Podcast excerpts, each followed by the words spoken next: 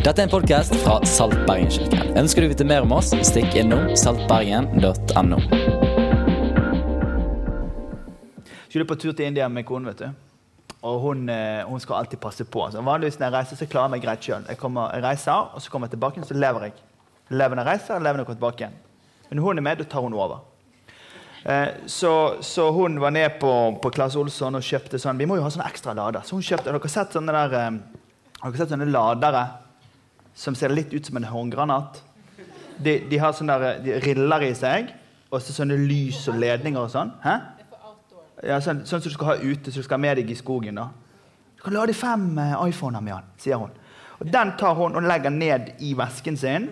Og så kjøper hun en sånn ekstra sånn sprederledning som da ligger rett oppå den. Early morning, Heathrow Airport, the wife and I, you know.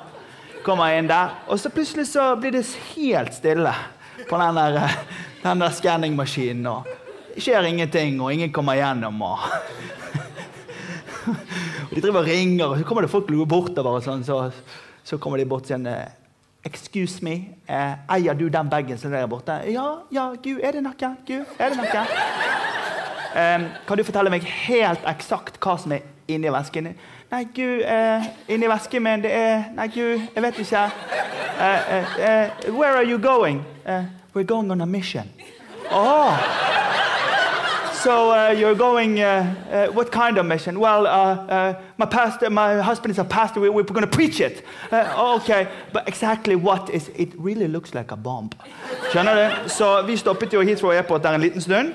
Men det er en ære å ha deg med, konen. Eh, Vi er veldig takknemlige for det du gjør for The Mission. Når vi er ute og bygger våre cellegrupper rundt omkring. Eh, og inntar de ulike stedene rundt omkring som er unådd, sånn at vi kan bare ta det. Du må passe på språket noen ganger. Ja, det gikk bra, altså. Men var, vi lo litt av den der. altså. On a mission, ha? Ja, det er sterkt, altså. Konen vet du, hun er så glad i folk. vet du. Så vi kommer, Jeg har jo vært der en god del ganger, så jeg vet at hvis du, hvis du, det er visse ting du, som ikke er lurt å gjøre, i hvert fall hvis du har litt dårlig tid. Så, så vi kom til en sånn landsby, og hun bare And if any of you are sick, I'll pray for you! Og bare, pff, alle kom, vet du.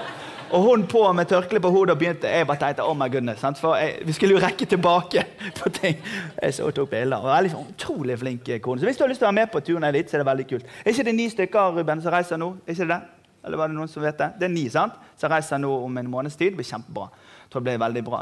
Få deg en tur eh, ut og se dette greiene. Det er helt fantastisk. Fordi at Jesus gjør så mye for folk. Av og til så blir det litt sånn stor distanse der vi lever, til den der reelle effekten av evangeliet i livet til folk. Men det å se noen folk som har opplevd hva, jeg, Vi ble friske i vår familie fordi Jesus helbredet. Derfor har vi valgt å bli en del av kirken. Det er ganske spesielt. Og Jeg var jo i en, i en, menig, i en landsby, jeg og min sønn Philip var ute for to år siden. og Da kom vi til en landsby, og skulle vi treffe den første som hadde blitt kristen i en landsby. Først traff vi han, så traff vi hans første kone, så traff vi hans andre kone. Og vi pratet der, og Det var de tre som hadde blitt kristne, for å være med på dåpen deres. Og nå kom vi tilbake til samme landsbyen, og da var det en hel gjeng på tunet der som var med i kirken. Og Bare på de to årene så fikk vi se overgangen. De første som ble kristne på den plassen, og den menigheten som ble til på det stedet. Det er ganske spesielt. Er dere med? Og dette her kan vi få lov til å være med for, for vi kommer fra et lite lite land på andre siden av jordkloden. Men det vi gjør, det kan være med å bety en forskjell der borte. Er dere med på det? Og jeg vet det som pastor at jeg får mye større kollekter og innsamlinger hvis jeg viser, eh, viser frem en sulten unge og en risbolle, enn jeg gjør hvis jeg sier at vi trenger å reise opp en menighet på denne plassen. Men det jeg vet, og det vet jeg, det er at når du bygger den levende Guds menighet i en landsby, så får du en generasjonseffekt på den plassen. Den generasjonseffekten handler om at Jesus Kristus tar bolig på plassen, og at Jesus Kristi menighet vokser på det stedet. Tenk bare hvor mange syke mennesker vi kan hjelpe da.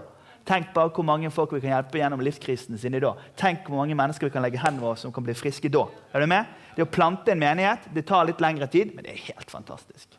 For Den levende Guds menighet er verdenshåp, og den tror vi på. Amen? Amen. Er dere klare for å finne frekvensen?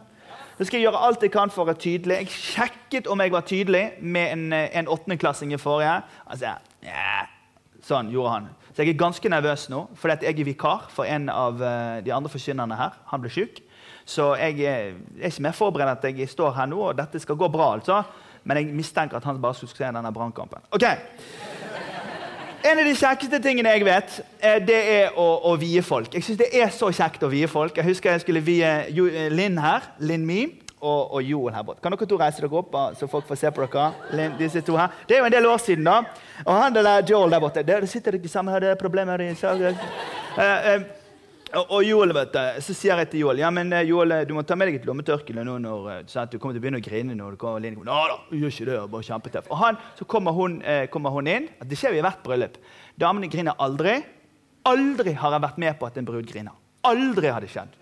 For de er jo egentlig ikke det. De er bare på film. sant? Men, men mannene, hver gang de bryter sammen, så maskara og leppestift flyter utover hele greia.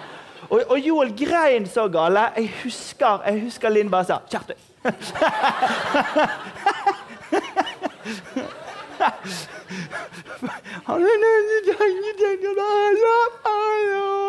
Sånn som den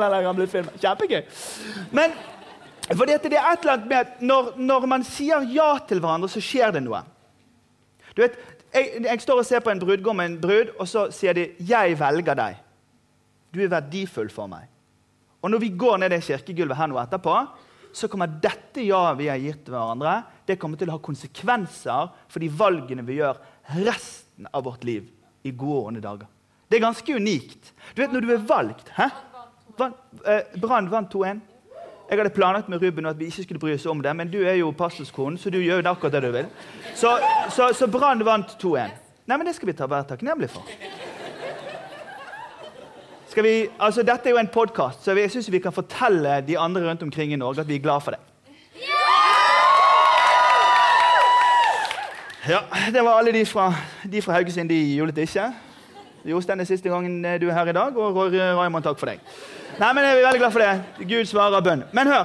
Så når man, når man, når man, når man, når man blir valgt Hør nå, nå skal jeg konsentrere meg. Når man blir valgt, så betyr det at en har verdi. Følger dere meg? Jeg velger deg, derfor har du verdi. På samme måte så velger Jesus oss.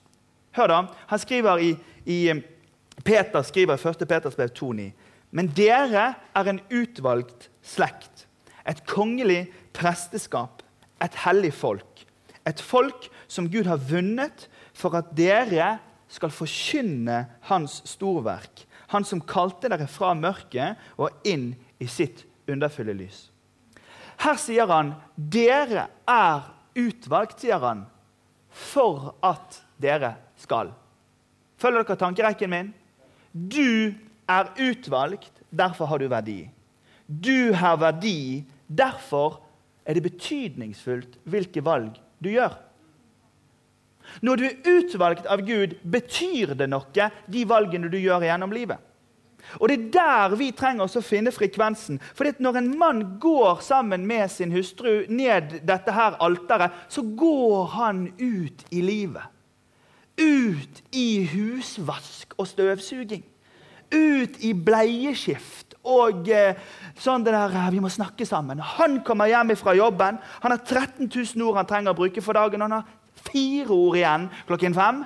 Hun har vært hjemme hele dagen og har 32 000 ord som hun har lyst til å snakke med han om utover hele kvelden. Alt dette går han i møte. Og det har konsekvenser. Dere vet det, sant? At Mannen har 13 000 ord for dagen, og hun har ca. 32 000, og så skal dette fordeles. og så Hvis hun ikke har snakket hele dagen, og han kommer hjem, så skal hun snakke hele kvelden, og så vil ikke han snakke mer om fire år. I love you, that's it. Og så sporten og kaffe og middag. Skjønner du? Det at du er utvalgt, gjør at du har verdi. Det at du har verdi, betyr at de valgene du gjør, faktisk er betydningsfulle. Og I et liv hvor vi skal leve, så handler det om å finne den viljen som Gud har for livene våre. Og Det er det jeg har lyst til å snakke med deg litt om i dag. La oss gå helt tilbake i Det gamle testamentet, til den plassen hvor det israelske folket forlot Egypt, dro gjennom Rødehavet, kom ut på Sinai-halvøyen. og Moses gikk opp på et fjell, og opp på det fjellet så fikk han to steintavler. og I begynnelsen av det kapitlet hvor det står, så står dette. Jeg Herren din Gud, som førte deg ut av Egypt, ut av slavehuset. Og så sier han, du skal ikke ha andre guder enn meg. Bare la det henge på veggen. så skal du se. Den første setningen der legger vekt på at du er utvalgt. Den andre setningen legger vekt på hvilken respons som blir forventet. Følger du meg? Altså, Du er utvalgt. Her er den responsen som jeg ønsker fra deg.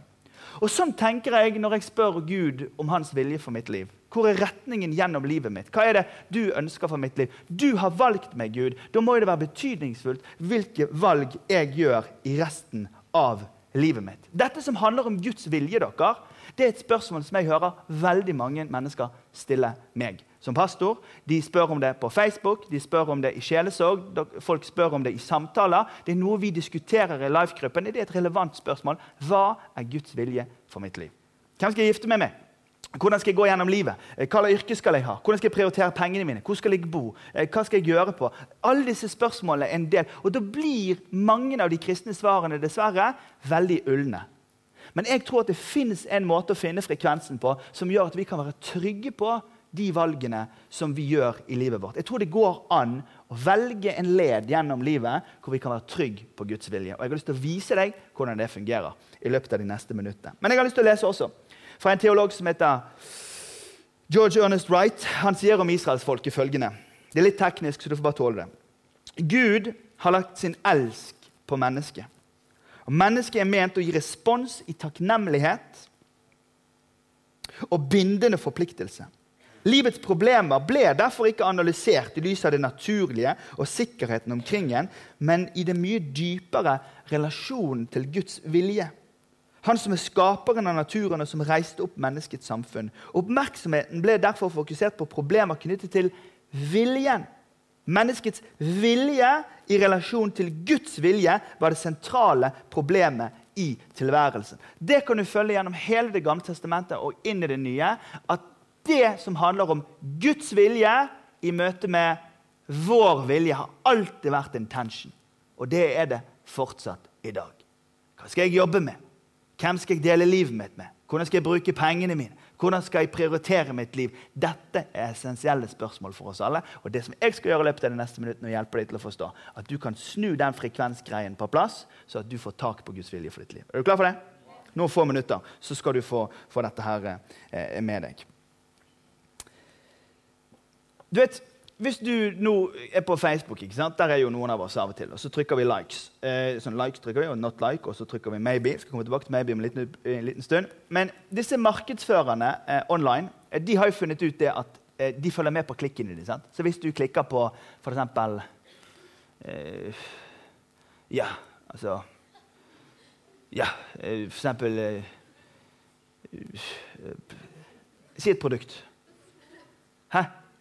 Sko, sko, sa du sko? Sier du, si du opptatt av sko, da. Sant? Så liksom trykker du eh, sko. Sant? Eh, og det er klart at eh, Etter en stund når du har trykt sko, så kommer det sko veldig ofte. Når du er online. så er liksom, oi der, oi, den, oi, der var det en sko. Eh, så det, det, blir veldig mye sko. da. Eh, og Hvis du er opptatt av marsvin, for eksempel, så får du marsvin, så får du marsvinhjul, og så får du marsvinbur, og så får du marsvinmat. og så får du mye av det. Fordi det du har kliks på, det har de funnet ut at hvis de klarer å trykke det nærmest opp i ansiktet på deg, så vil det prege ditt forbruksmønster. Fordi tettheten mellom det du er interessert i, og deg, det styrer ditt atferdsmønster. Det er jo det samme med når jeg og Gina nå har vært gift i det 18 år vi har vært sammen. Og det er klart at Vi har jo veldig bra eh, perioder i livet vårt, vi, de periodene hvor vi forstår hverandre mye, og vi snakker greit sammen og vi virkelig føler at dette er en bra periode, det er som oftest i den perioden hvor vi er tett på hverandre. Men når vi er vekke fra hverandre, ganske lenge, så er det ingen tvil om at det skjer noe med vår relasjon når vi er vekke fra hverandre lenge. Stemmer ikke det? Ikke det bare helt naturlig? Så ikke vi har problemer. altså. Men jeg sier at det er et helt vanlig samliv vi har her, liksom, og ingen av oss er engler. Og vi har sikkert ting som vi skal fikse på, og det har vi. Men, men poenget er at når tettheten er der, så er det enklere. Og når distansen kommer, så gjør vi akkurat det vi gjør. Randi her, hun, skrev, hun ble intervjuet i Studvest her i fjor. Hun studerer juss her i byen, og hun ble intervjuet om sin tro på Jesus. Og så sa de at Hvis du er sammen med et menneske en gang i året, preger det mennesket deg lite. Men hvis du er daglig sammen med et annet menneske, så vil det andre mennesket prege ditt liv. Og vet du, Det er det vi tror i denne kirken her. Vi tror at det å komme daglig innenfor Jesus. Det å ha et gudsliv som fungerer. Det å ha tid med sin egen bibel og et stilletid og bønneliv. Det er ting som skaper en type nærhet. Og jeg tror at Skal vi finne frekvensen, så trenger vi å være nær nok til at vi klarer å få inn signalene fra Han som snakker til oss. Du vet, Jeg møter jo folk. Denne kirken her har jo masse folk som ikke tror så mye på Gud, som er med i menigheten vår. Masse folk som eh, kommer fra ingen kristen bakgrunn i det hele tatt. Og, og noen kommer fra en, en, en folkekirkebakgrunn og andre kristne tradisjoner. Og det tar vi høyde for, og det syns vi er helt greit. Og Uten å være frekk eller freidig så er det et skille i norsk kristenhet mellom det høykirkelige og det lavkirkelige. I det høykirkelige så er det gjerne sånn at når presten har holdt sin tale og, holdt sin, sånn, og vi har sunget sine sanger, så kan man, man oppleve at ja, dette var fint og bekreftende og godt, og så man, får man være litt i fred. på en måte. Man får det i det høykirkelige. Men i la, det lavkirkelige så får ikke man alltid være i fred. På bedehuset og i denne type forsamlinger så når vi preker, sant, så er vi litt sånn, vi er litt sånn in your face-preking. skjønner du? Og det er det mange som har sagt til meg, at jeg kjenner at det er litt for utfordrende for meg. Det er ikke sånn jeg er vant til. For jeg opplever at det, liksom sånn, det angår plutselig meg og hva slags valg jeg gjør. Jeg føler av og til at jeg blir sendt hjem med en lekse og sånn. er det noen som sier. Men det er viktig at vi forstår at det er helt greit å ha ulike kristendomsuttrykk og former. Men når du er en del av denne kirken, her, så er vi litt in your face. skjønner du? Altså, Jeg bestemmer ikke over deg. Det er ingen som bestemmer over Du er sjef for ditt eget liv. Men vi er litt in your face. skjønner du? Liksom, Come on, liksom. Vil du kjøre på for Jesus litt på kveldene? Halleluja. Altså, Vi tar det også på svensk hvis vi vil komme skikkelig inn. skjønner du? For vi, vi, vi tror at det er viktig, og sånn har vi valgt å tro det. Karl Barth, en teolog som jeg må ikke si til folk at jeg siterer han da, men han er ganske smart. Han har skrevet noe som heter Church Dogmatics. Det er kjempelang, tysk, flott teolog. Jeg skal ikke snakke alt om det, jeg skal bare si én ting om det. Og det er at Han sier at autoritet er bindende, sier han. Når du har fått en herre i livet ditt, så er den herren med og bestemmer over livet. Authority is binding. Autoritet er bindende.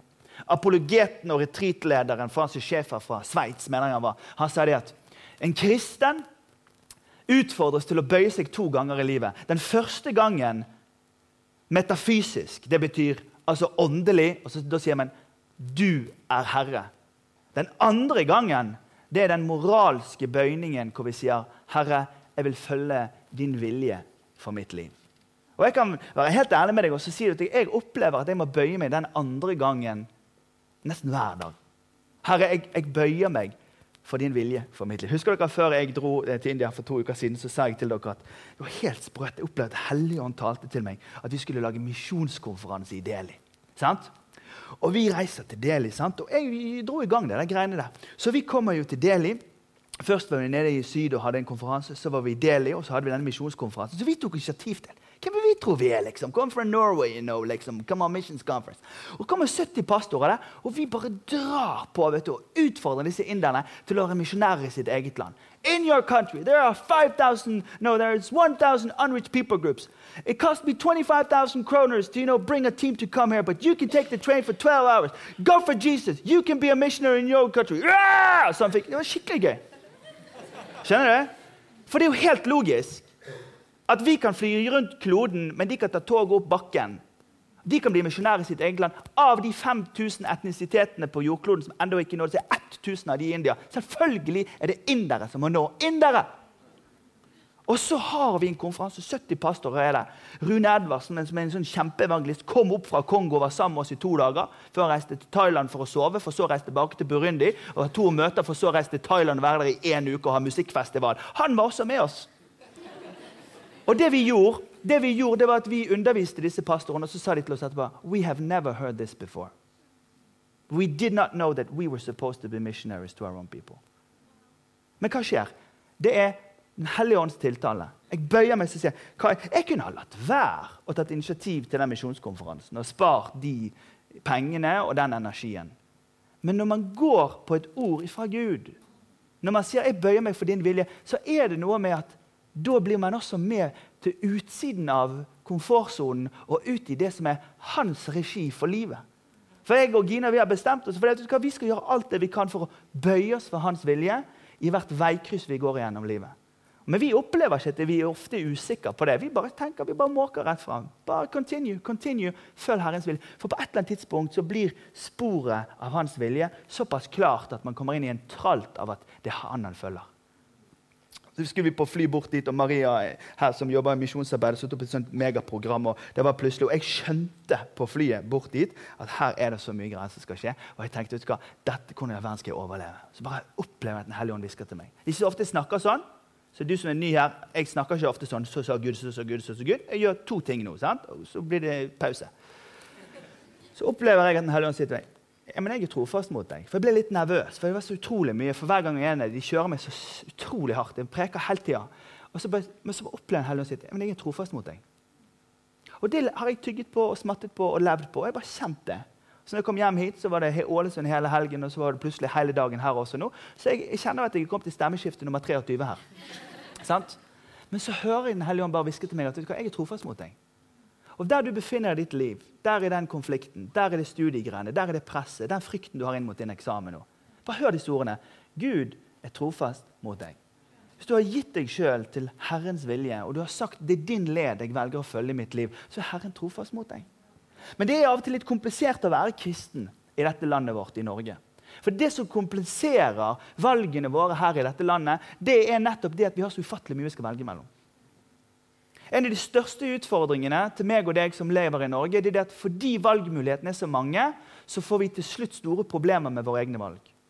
Jeg har kollegaer som har sluttet som pastorer, for de bare føler at det var så mange som snakket, og så mange som dro og, de, og så mange som ville at de skulle gjøre ulike ting, at til slutt fikk de det som heter beslutningsvegring. De bare visste ikke hva de skulle gjøre. Men det er ikke bare pastorer som har det sånn. Altså Vanlige folk, meg og deg, vi også har det sånn. Sant? Så sier vi ja til dette, sant? og så tenker vi nei, og så tenker vi ja, og så tenker vi nei. For Den mest brukte knappen på Face vet du, det er jo 'maybe attending'.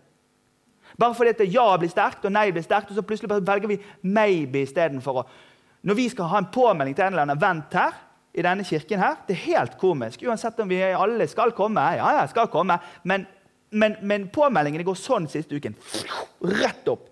Fordi vi, vi, vi, vi venter til siste liten for å sjekke om det er et eller annet fantastisk skal skje. Og når 43% av, eh, 43% av de som går i videregående skole i Norge, slutter i skolen, så sier det noe om at vi har havnet på et sted hvor vi ikke lenger tror på vårt eget ja, og vi tviler på vårt eget nei. Og så blir vi så trøtte av oss sjøl at vi bare driver og trykker maybe, maybe, maybe, og så går vi ring rundt oss sjøl. Tilliten til vår egen vilje, så blir vi forelsket, og så faller vi ut av forelskelsen. Så lurer vi på om dette er den rette, og så velger vi en annen som kanskje var den rette, så var ikke noen ting rett, og så ble alt feil. Og så opplever vi hele tiden at vi mister tilliten til vår egen vilje. Viljen inni Ola og Kari Nordmann har blitt betraktelig svekket fordi at valgene er blitt så mange. Og jeg opplever det sjøl at det å ha en sterk vilje, det har hjulpet meg i livet. Jeg sier, Kan jeg få si det med menyen, Gina?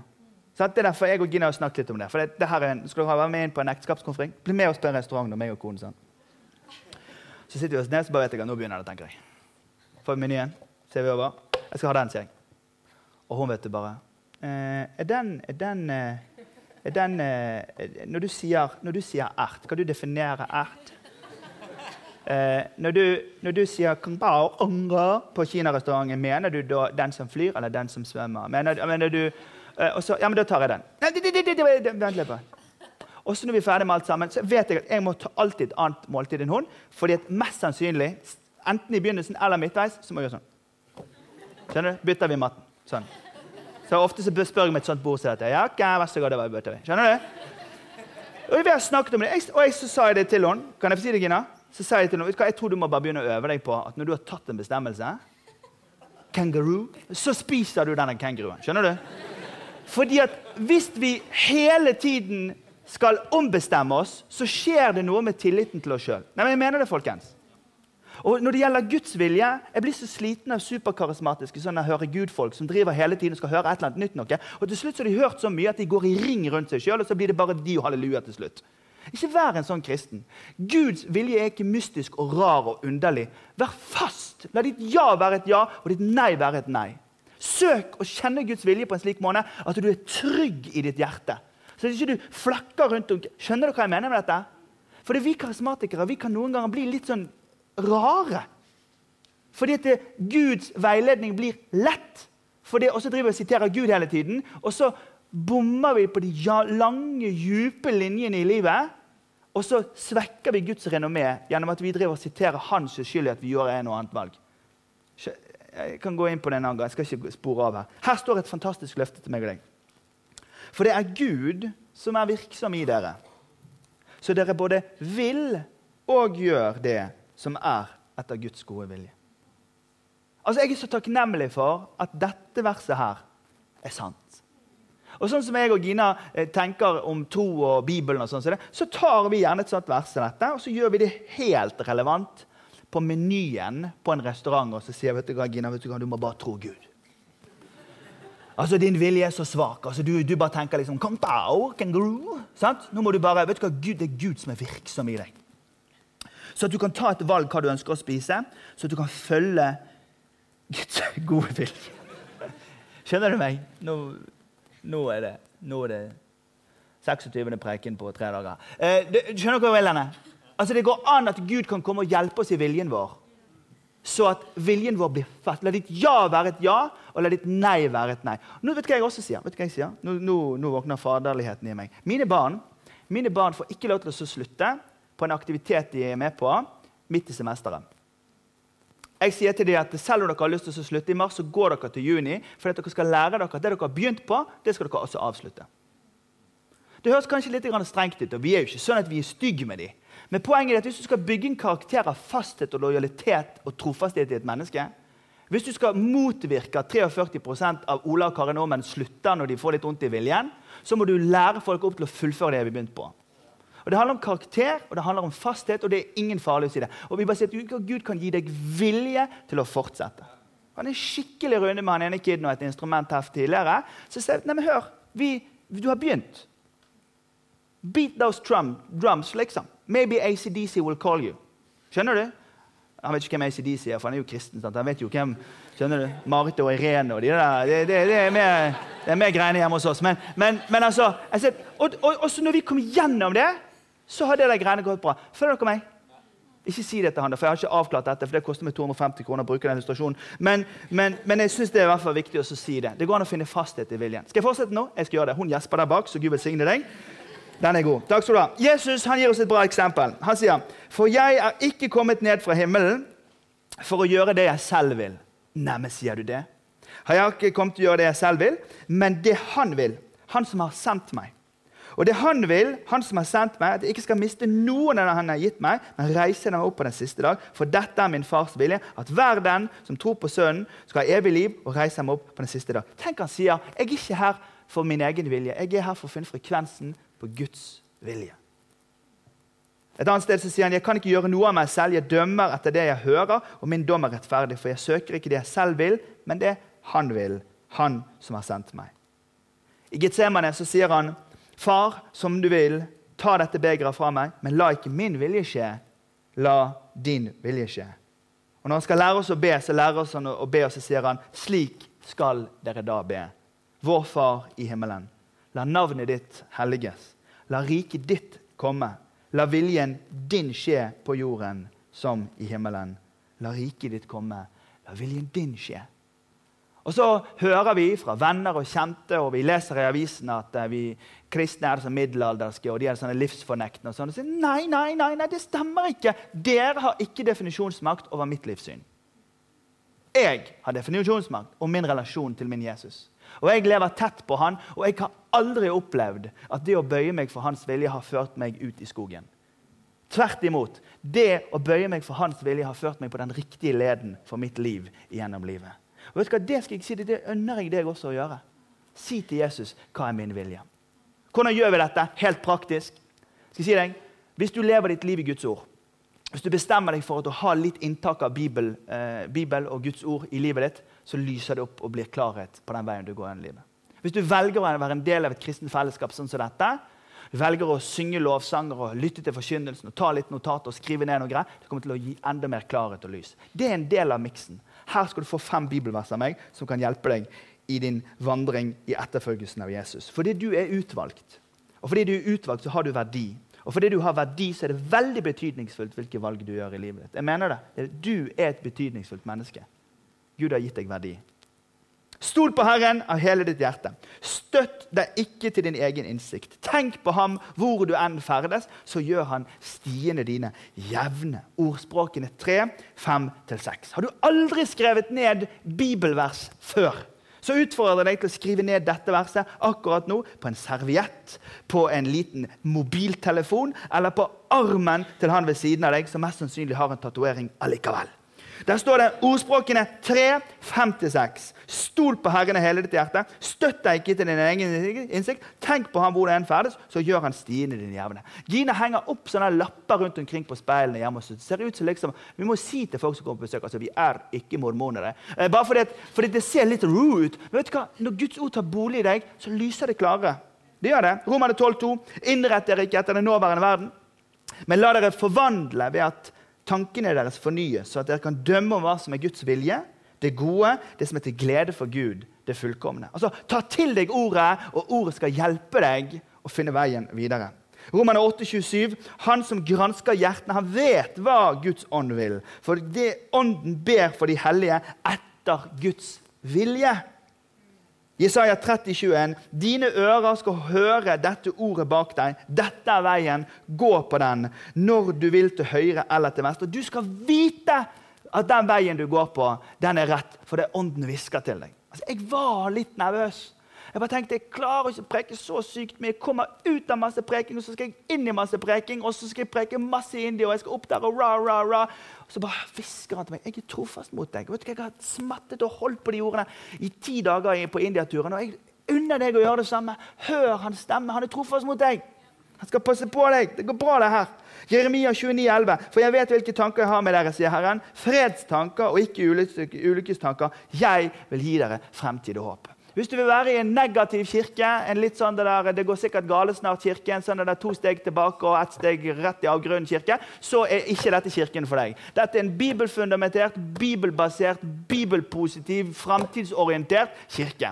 Så vi lover deg å overøse deg med positivisme og gladkristenhet og klapping og halleluja og altfor høy lovsang i all framtid, bare fordi vi tror at Guds framtid for deg er full av, av, av, av velsignelse og godhet. Han vil det gode for oss.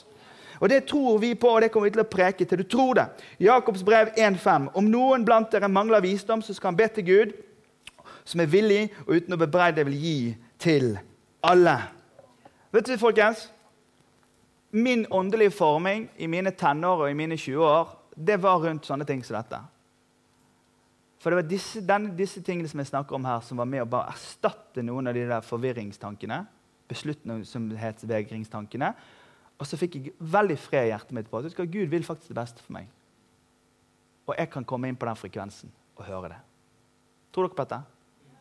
Tror det er ganske mange som tror på så det er noen som tenker at liksom, håper dette er over snart. Men det er greit. Skal vi reise oss opp og skal vi be en bønn? Takk, Jesus. Hvis vi bare bevarer roen i noen få minutter, så skal jeg eh, gi meg straks. Helt konkret, Du som befinner deg i en situasjon i livet ditt hvor du ikke aner hvor um, du skal snu deg, og du har bedt Gud i den siste tiden Herre, hva er din vilje i denne situasjonen? Jeg tror jo på øyeblikk. Jeg tror at Mye av det Gud gjør i livet vårt, gjør han i prosesser, men jeg tror at det finnes sånne redningsøyeblikk som akkurat nå.